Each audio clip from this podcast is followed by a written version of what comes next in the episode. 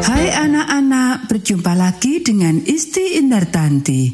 Cerita kita berjudul Kebun Binatang Terapung.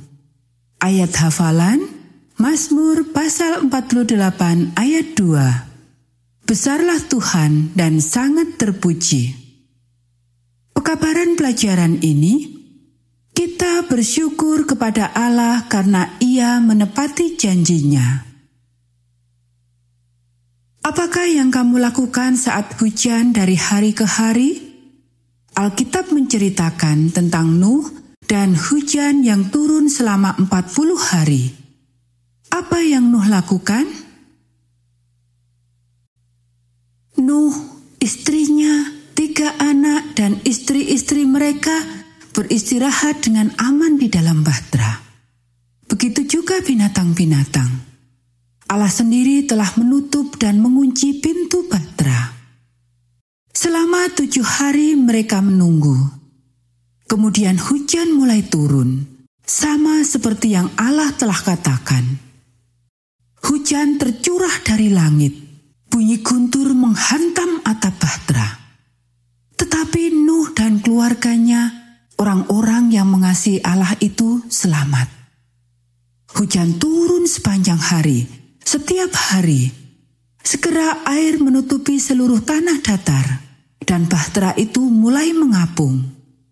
Hujan masih turun sepanjang hari, setiap hari, tapi semua orang di dalam bahtera itu aman. Nuh dan keluarganya bersyukur kepada Allah karena telah menepati janjinya. Setiap hari mereka menyanyikan lagu-lagu pujian kepada Tuhan dan hujan masih terus turun sepanjang hari, setiap hari. Nuh sering memeriksa binatang-binatang itu. Beberapa mendengkur lembut di kandang mereka. Mereka bernafas perlahan. Yang lain mengunyah makanan yang telah Allah katakan kepada Nuh untuk dibawa ke dalam bahtera. Berapa lama lagi hujan akan turun? Tanya salah seorang anak Nuh. Rasanya seperti hujan sudah turun selamanya. Nuh tersenyum. Selama 40 hari jawabnya. Allah telah mengatakan bahwa akan turun hujan selama 40 hari. Jangan khawatir, 40 hari itu bukan selamanya. Dan hujan masih turun. Akhirnya air menutupi puncak-puncak gunung yang paling tinggi. Tanah tak terlihat. Kemudian Allah menghentikan hujan.